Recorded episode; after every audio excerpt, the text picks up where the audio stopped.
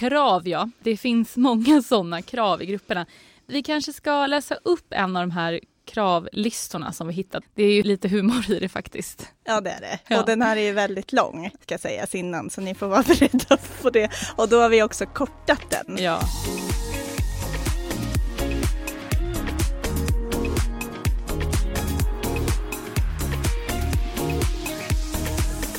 Kommentarerna skriver jag själv. Det finns supportgrupper med cirka 15 till 20 konton per grupp där man stödjer varandra. 100% äkta konton. Man gillar och kommenterar varandras bilder. Därav upplevs det som spam för kommentarerna blir ganska lika varandra. Ja, det här säger en eh, medelstor influencer med ungefär 60 000 följare till oss. För ungefär ett år sedan då när vi frågade honom varför hans engagemang på Instagram såg misstänkt fejkat ut Mm. helt enkelt.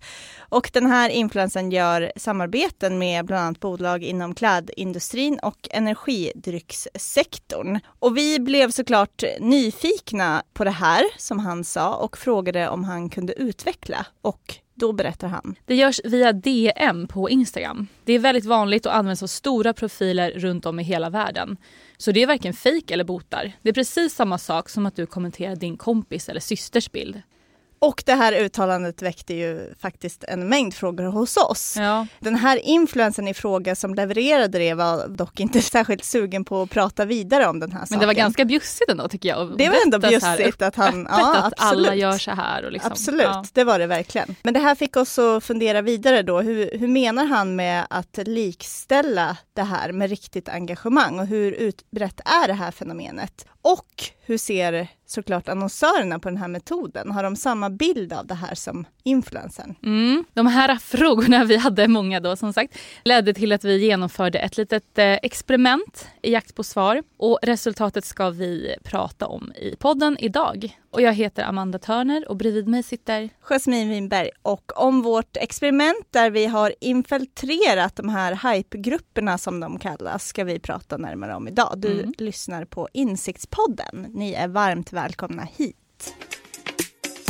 För den inte helt inbitna resuméläsaren, vi hoppas ju att vi lockar några sådana här också. Ja, kanske vi ska börja med att eh, prata lite om influencerindustrin i stort. Den har ju vuxit enormt mycket under de senaste åren och är ju den snabbast växande mediekanalen sett till hela den här reklamkakan man brukar prata om som Institutet för reklam och mediestatistik, IRM va? Mm. mäter. Och idag omsätter influencer marketingindustrin nära en miljard kronor. Mm. Den senaste mätningen gjordes då 2019, så de gör inte mätningar varje år, men eh, därför tror vi att det Ja. handlar om betydligt mer pengar. Det så. pratades i alla fall om eller att eh, influencer marketing skulle spräcka miljardvallen Ja. coronaåret. Men sen ställde ju corona till det som Ja. på alla områden. Precis. Den här mätningen bygger också på självrapportering ska sägas. Så Mm. ja, det finns ett mörkertal där ute troligtvis. Och utan tvekan då så kan man väl helt enkelt konstatera att det är en industri som omsätter mycket och som dessutom har en stor påverkan på samhället idag. Precis, influencerfenomenet blir ju allt mer etablerat och varumärken idag eh, har ju väldigt stora möjligheter att nå ut med hjälp av influencers. Inte minst till den unga publiken som vi ju vet inte konsumerar traditionella medier i samma utsträckning längre. Och det finns alltså en hel del pengar att tjäna som influencer idag.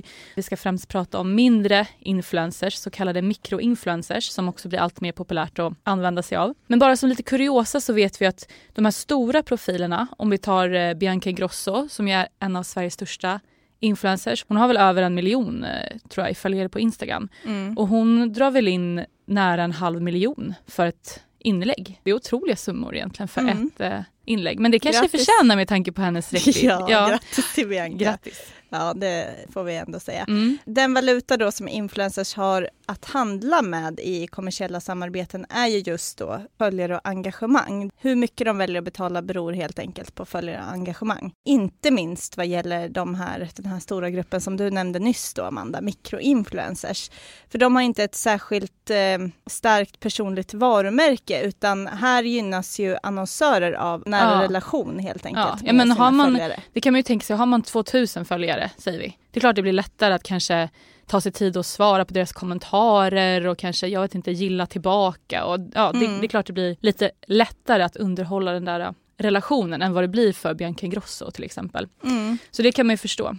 Och Någonstans. de är ju också kanske oftast mer nischade då. Ja, Jämfört med de här stora som är ganska, är ganska breda skönhetsinfluencers till exempel så kanske en lite mikroinfluencer sysslar med vegan skönhetsindustrin mm, istället. precis. Och därför så används det här då som en populär metod och eh, särskilt efter att varumärken som Daniel Wellington och Naked ju har liksom använt den här metoden för att bli stora. Och de lyckades ju otroligt väl. Verkligen. Ja. Idag finns det ju till och med särskilda nätverk som nischat sig kring den här typen av småskaliga influencers. Vi har tre exempel i Relatable, Beatly och Cure då. De jobbar ju väldigt mycket med mikroinfluencers allihopa. Men vad händer med annonsörens effekt om engagemanget är, ja, inte helt äkta? Om vi inte säger fejkat så i alla fall inte helt äkta. Man kan förstås ha olika åsikter om det här och inledningsvis i den här podden så läste jag ju upp en profils åsikt. Han refererade till grupper på Instagram. I jakt på vad som pågår i de här grupperna så har ju eh, vi och Jasmin gett oss ut på en liten infiltrationsuppdrag. Ja. Kan inte du berätta lite kort vad vi har gjort? Vi har helt enkelt kartlagt några av de grupper som då syftar till att öka engagemang och följarskara på Facebook. Och de här heter saker som Social Media Queens, The Hype House och så har vi den tydliga Like for Like. Man vet vad man får i den gruppen. De största grupperna vi har hittat har ju typ en kvarts miljon medlemmar så Mm. eh, det finns de som är jättestora här. Och det ska sägas att de här grupperna som vi har kartlagt finns på Facebook men de syftar ju också till att öka engagemanget i andra typer av sociala kanaler. Men både Instagram och TikTok och så Ja. kan det vara. Sen så har vi gått med i dem och då använt en fejkad profil som heter Maja Oliver. Vi outar henne här. Ja, Ja. vi outar henne. Mm, Feel free att följa. Ja, exakt. Nej, men eh, dels eh, har vi försökt få hennes följarskara att öka och sen har vi också tittat på vad folk i grupperna säger. Och hur har det gått då, Amanda, för oss? Det gick väl både bra och dåligt Ja. kan man säga. Först hade vi då som taktik att lägga ut egna inlägg och tigga engagemang genom dem. Det gör ju många, man lägger ut så här, ah, snälla hjälp mig nå tusen följare på ett dygn, jag lovar att följa tillbaka och gilla tillbaka och så. Follow for follow är ju den vedertagna uppmaningen som man använder då i de här grupperna. Men vi låtsades i alla fall vara den här Maja Oliver, en konstnär och vi ville då boosta vårt konstnärsinfluencer-konto på Insta. Ja, vi hade som sagt lite olika taktik. Vi la ut en selfie på Maja Oliver, det var en bild vi hämtat från en fotobank och vi länkade till Insta-kontot och bad om följare. Men den där grejen att liksom gå ut i ett eget inlägg och tigga, det gick inte helt bra. Nej, det gjorde inte det Nej. för oss. Vi såg ju att andra människor som gjorde det här fick väldigt långa trådar och det kunde vara så här, ja men 150 kommentarer under den här typen av inlägg. Ja, men det skapade sån här, vi har ju lärt oss att det kallas för follow trains. ja exakt. När det är en tråd där det, som bara syftar till att alla i tråden, alla som deltar går in och liksom följer varandra. Mm. Mm. Och det kan ju antingen ske från admin eller från någon gruppmedlem som lägger ut ett tiggeri. Men vi fick ju aldrig den här typen av engagemang och vi är ju väldigt rookies på detta så Mm. vi, vi vet helt enkelt inte om det beror på det eller om det var så att eh, folk tyckte att den här Art by Oliver 12 kontot på Mm. Instagram som vi har valt att Mm. döpa den till såg lite misstänkt ut helt enkelt. Ja men precis, det, det kan ju ha varit så. Men istället då så började vi kommentera andras sådana här äh, engagemang, där man bad om engagemang då. Eh, vi gick in och följde dem på Instagram och så skrev vi i kommentarsfält att vi följt dem och bad dem att följa oss tillbaka. Och det gav ju faktiskt frukt. Verkligen, och du satt ju med det här i 1,5 timme kan Ja, man väl säga. Ja, ja, Ja, aktiv tid. Dedikerat till att bara, bara följa andra och be dem att följa mig tillbaka. Och då fick vi in ett 30-tal följare, typ 80 likes och en kommentar, men ändå, på den här en och en halv timmen. Och om man snabbt då ska göra en uträkning på det så kan man ju säga att om man lägger en arbetsvecka då på den här metoden i diverse olika grupper i sociala medier så får man ihop 800 nya följare, 2120 likes och typ 30 kommentarer då. Och vips så efter några veckor har man en influencerkarriär och kan börja ta betalt eh, från annonsörer. För det har vi också sett i de här grupperna. Folk frågar varandra om när de kunde börja ta betalt från samarbetspartners. Och flera svarar att det är just vid 2000 följare som det verkar gå någon slags magisk gräns. Det är kanske då man kan räkna sig som en sån här mikroinfluencer. Och ytterligare en aspekt av det här är ju att de som skapar hypegrupperna också gör en karriär av det, eller hur Jasmin? Ja, ofta är ett av kraven då för att få vara med i en grupp att man ska följa gruppskaparen också eller administratören då på Instagram till exempel. Och annars blir man då utslängd ur gruppen. Så de här personerna växer också i sin tur väldigt fort och kan också göra karriärer på samarbeten med annonsörer. Och det har vi också sett prov på här. Verkligen.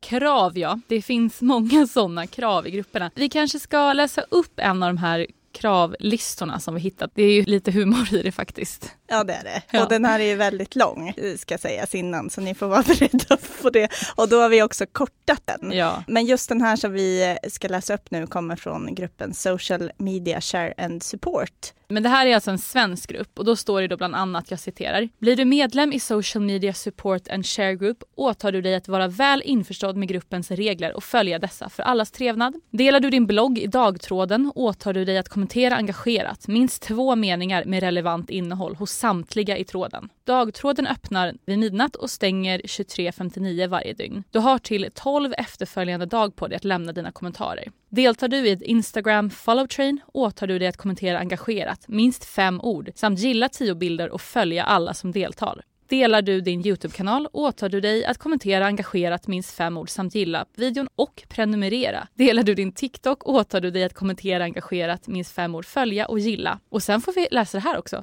jag citerar, använd dig av kontakta medlemstråden om du missade kommentarer, råkat ut för en sjukdom Oj. samt har svårighet att dela din blogg. Här kan du även bli taggad om du glömt att kommentera eller skrivit oengagerat till någon. Ta för vana att läsa där varje dag. Gruppen har hårda men rättvisa regler. Det är någon med självinsikt ändå. Ja, vill, vill du inte bli taggad eller följa gruppens regler är detta inte rätt grupp för dig. Godkänner du gruppens regler är ansvaret ditt att följa dem. Om du missköter reglerna får du lämna gruppen. Herregud. Det är lätt att bli lite avskräckt måste jag säga. Det håller jag, håller jag med alltså, om. Det är väldigt mycket att hålla koll på. Jag, jag, I början var jag så här, kommer det ens funka? Alltså, det låter som ett heltidsjobb ja, att engagera sig i de här grupperna. Det kräver väldigt mycket. Alltså antagligen kan det ju ge mycket då. Men hur som helst då, i de här grupperna så finns alltså alla förutsättningar för att skapa en influencerkarriär som bygger helt på fejkat engagemang. För på samma sätt som vi fick följare och likes i grupperna så var vi också en del av loopen och började självklart ja. och följa och gilla alla andra mm. eh, och deras innehåll utan att Ja, vi visste ju inte vad det här var för människor eller vad de hade för liksom, agenda eller varför deras innehåll var relevant för oss. Vi gick ju bara in och utförde vårt ja. uppdrag helt mm. enkelt. Tänk... Vi är specialister på det vi gör, precis som du. Därför försäkrar vi på Swedea bara småföretag, som ditt. För oss är små företag alltid större än stora och vår företagsförsäkring anpassar sig helt efter firmans förutsättningar. Gå in på swedea.se företag och jämför själv.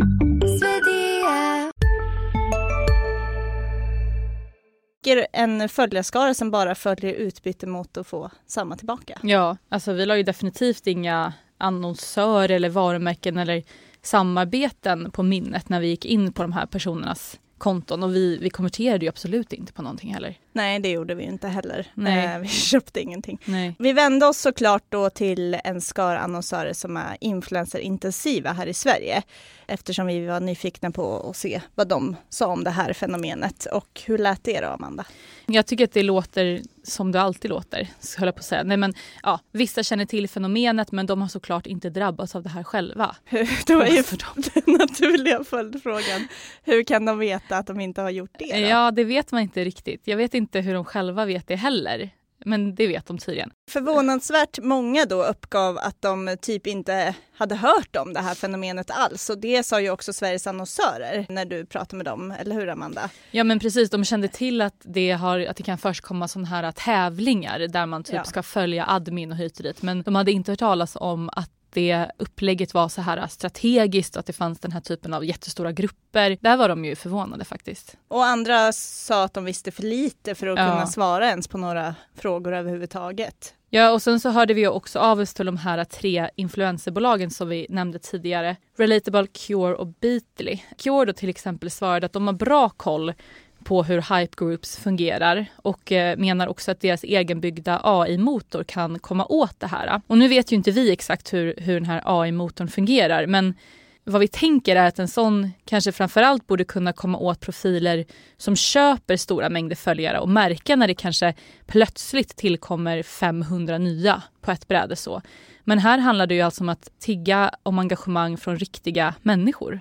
Och det här är ju någonting som man använder sig av som en långsiktig strategi. Det är ju ingen one hit show. Nej. Liksom, utan... Jag vet inte hur många som sitter heller som jag gjorde alltså, sådär koncentrerat Nej. och bara jag vet inte, jag tror att det är någonting man använder under en lång period. Precis. Vi tänker också att om man som influencer då har gjort ett samarbete med en annonsör och tyckt att man har fått för lite engagemang så kan man också tipsa folk och be om att de kommenterar och likar eh, just specifika inlägg så. Det måste vara jättesvårt att hålla sig ifrån. Om jag var en liten influencer som åh, jag har äntligen fått mitt första samarbete här Mm. och så blir jag jättestressad när jag märker att det inlägget inte får så mycket engagemang. Mm. Och så är jag samtidigt medlem i en sån här hype group. Steget är ju ganska kort då. Det är ganska och, kort. Ja. Ja. Spännande här är ju att de mer etablerade profilerna som influencern som vi nämnde i början, de verkar ju använda sig av små slutna grupper på Instagram. Han sa ju då till oss att 15 till 20 personer ingick i sådana här grupper han deltar i. De grupperna vi har tittat på, där ingår ju allt mellan några tusen till som vi sa en kvarts miljon medlemmar. Så att den här influensen var ju lite mer undercover i sin metod, Mm. lite mer anonym så. Verkligen, och Mm. det finns ju båda delar men vi har ju inte hittat de här ybersmå grupperna, Nej. det har vi inte gjort. Det här med engagemangsfiske verkar vara en ganska vedertagen metod även på andra plattformar än just liksom de som förknippas med influencers. En då icke namngiven person som jobbar metodiskt på LinkedIn, han har berättat för oss eh, vid ett annat tillfälle att han brukar kontakta folk i sitt nätverk så fort han har lagt ut ett inlägg och eh, också be dem att kommentera det inlägget direkt för att det då ska gillas av algoritmen och prioritera upp hans liksom, innehåll. Och han har ju inga samarbeten ska vi också säga. Om ett inlägg inte får ganska direkt mycket engagemang så är risken att det blir lite osynligt på en plattform. Det visar ju att det verkligen finns en, en vinning i att lura algoritmerna Mm. på något vis. Om man då tvivlar på att eh, de här grupperna inte är särskilt många eller populära så kan man sluta tvivla tycker vi. När vi började kartlägga de här, vi har ju slutat vid 25 stycken, vi tyckte att det räckte där och det var inte jättesvårt att hitta de här 25 genom att söka på olika ord på Facebook. Då skrev vi också upp hur många medlemmar de hade och en vecka senare gjorde vi en ny check och det visade sig då att de sammanlagt då, de här 25 stycken, hade vuxit från typ 850 000 medlemmar till 910 000 bara på en vecka alltså. Mm, det är otroligt ju. Ja, det är faktiskt, det säger någonting om Ja. hur populära de är. Och många av de här startade ju också ganska nyligen. Mm. Så de mest aktiva grupperna då, de har 10 000 nya inlägg bara, alltså bara på en enda månad. Mm, här finns det aktivitet. Ja, verkligen. Och mycket tyder ju på att de här grupperna också kommer växa framöver i takt med att influencers används allt mer. Så att eh, hypegrupper, de är ja, kanske här för att stanna. Vad tror du Jasmin? Ja men det tror jag verkligen. Och Mm. eh, plattformarnas utmaning här då, Facebook och Instagram då till exempel, de har ju börjat liksom bekämpa bottar Mm. på det sättet att de gör så här regelbundna rensningar och har metoder för att kunna se vilka konton som är bottar och så stänger de av dem helt enkelt och raderar dem. Ja. Till skillnad från det då så är det ju ganska svårt att identifiera fejkat engagemang som kommer av riktiga personer. Någonstans blir det så här, okej men om det är en riktig människa som på eget bevåg ändå väljer att följa eh, mig, Mm. hur ska en algoritm eller plattformen kunna identifiera på ett enkelt sätt att jag har gjort det för att någon har skrivit follow me? Alltså det måste vara jättesvårt. Ja, det måste ju vara extremt svårt. Mm. Ehm, Då får man ju på något sätt försöka liksom pinpointa de här grupperna Ja, eh, det är och, det i gå, så fall. och gå den vägen. Vi har förstås kontaktat Facebook om det här, men vid tiden för den här poddens inspelning så har vi inte fått några svar än. Och vi får helt enkelt se hur de tacklar det här. Men högst troligt, vi hoppas verkligen att det finns en artikel på resumé.se när podden har kommit ut Mm. och läsa om vad Facebook säger i Ja. den här frågan. Visst. Ja, och artiklar om allt det här och mer kring den nya sortens fejkat engagemang också förstås. Ja. Nu är det dags för veckans svep som tar upp tre intressanta grejer från veckan som gått. Det absolut mest spännande, eller hur Amanda? Mm. Så det här, jag blev typ lite glad när jag såg den här ja, nyheten. Ja, det kanske om... man inte borde, men det var Ja, det var ja. kittlande alltså. Ja, det var kittlande. Det är helt enkelt vårdinnovationsfejkade på temat idag. Kommunikationschef Sara ja. Johansson med över 500 kontakter på LinkedIn. Alltså snacka om fejkat engagemang. Det går rakt in i vårt samtalsämne här idag. Verkligen. Och det var SVT Nyheter Skåne som avslöjade att hon inte fanns på riktigt, den här kommunikationschefen. Innan det kom fram att hon var fejkad att det egentligen då också var vd som pratade via den här profilen Sara Johansson, så har hon gjort intervjuer med medier som Dagens Medicin, Dagens Samhälle och Läkartidningen. Och hur kom de undan med det då, undrar man. Ja, men genom devisen Vårdinnovation har valt att endast kommunicera i skrift med er för att undvika missförstånd. Mm. Det är det de har sagt till media. Och det här är ju helt otroligt tycker jag. Alltså dels att man vågar och eh, att man också i viss mån lyckas med det här. Ja, man undrar ju hur många fler fejkade företrädare det finns då för Verkligen. företag där ute. Alltså jag tänker alla de kanske, ja, framförallt kommunikationschefer som vi bara har kommunicerat med via mail. Man börjar ju undra liksom. Alltså, Verkligen. Ja, jag tänker att eh, det här funkar ju såklart bara för att det har blivit så vanligt med mejlintervjuer. Alltså som journalist så strävar man ju alltid, i alla fall oftast, efter att intervjua per telefon, åtminstone om det handlar om något slags ansvarsutkrävande eller kritiska frågor. Men mejlintervjuer har ju blivit allt mer vanligt eftersom intervjupersonen ofta ber om det eh, som en förutsättning för att ställa upp på intervju. Mm. Och vi har ju också hört exakt det där som Vård Innovation använder sig av, att det handlar om att det inte ska bli något missförstånd och sånt Exakt. Ja. och sen finns det också de som till och med går så långt att de vill läsa sina citat som de har mejlat in. Ja, läsa sina läsa, alltså- egenformulerade alltså. citat. Ja. Alltså det är ju parodiskt nästan. vi har, när vi har fått sådana förfrågningar så har vi ibland inte vetat vad vi ska svara för det. Vad menar du? Vill du läsa det som du skickade till mig precis? Exakt. Herregud. Ja. Vi går vidare.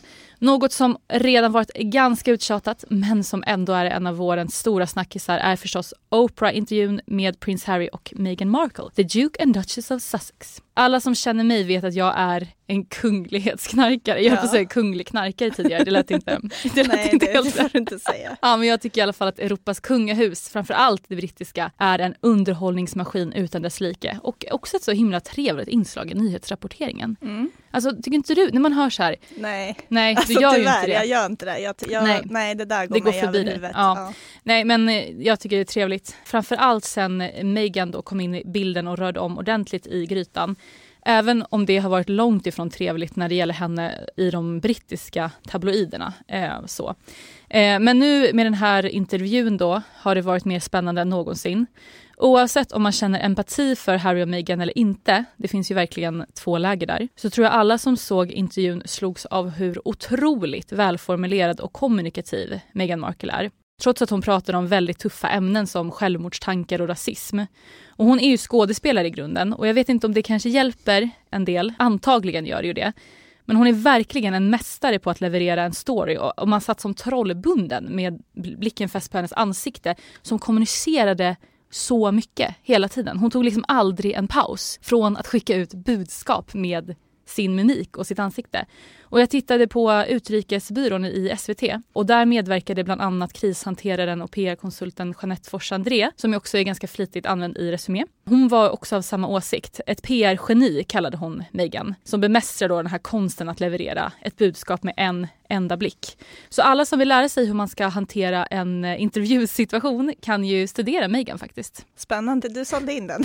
man behöver knappt se den, eller hur? Den, den var ju överallt ja, i en veckas tid. Jo, det var den. Ja. Så man vet ju vad som avhandlades i den. Kan man säga. Vi går vidare. Vi ska också nämna den stundande cookie-döden. Och det här har ju varit ett långdraget skifte för digital marknadsföring där man successivt då har fasat ut tredjeparts-cookies som ett sätt att öka integriteten för människor online. Och nu nyligen så har Google meddelat att de innan 2022 kommer ta bort tredjeparts-cookies från Chrome. Mm. Och vad detta exakt innebär för digital marknadsföring är inte helt fastställt än.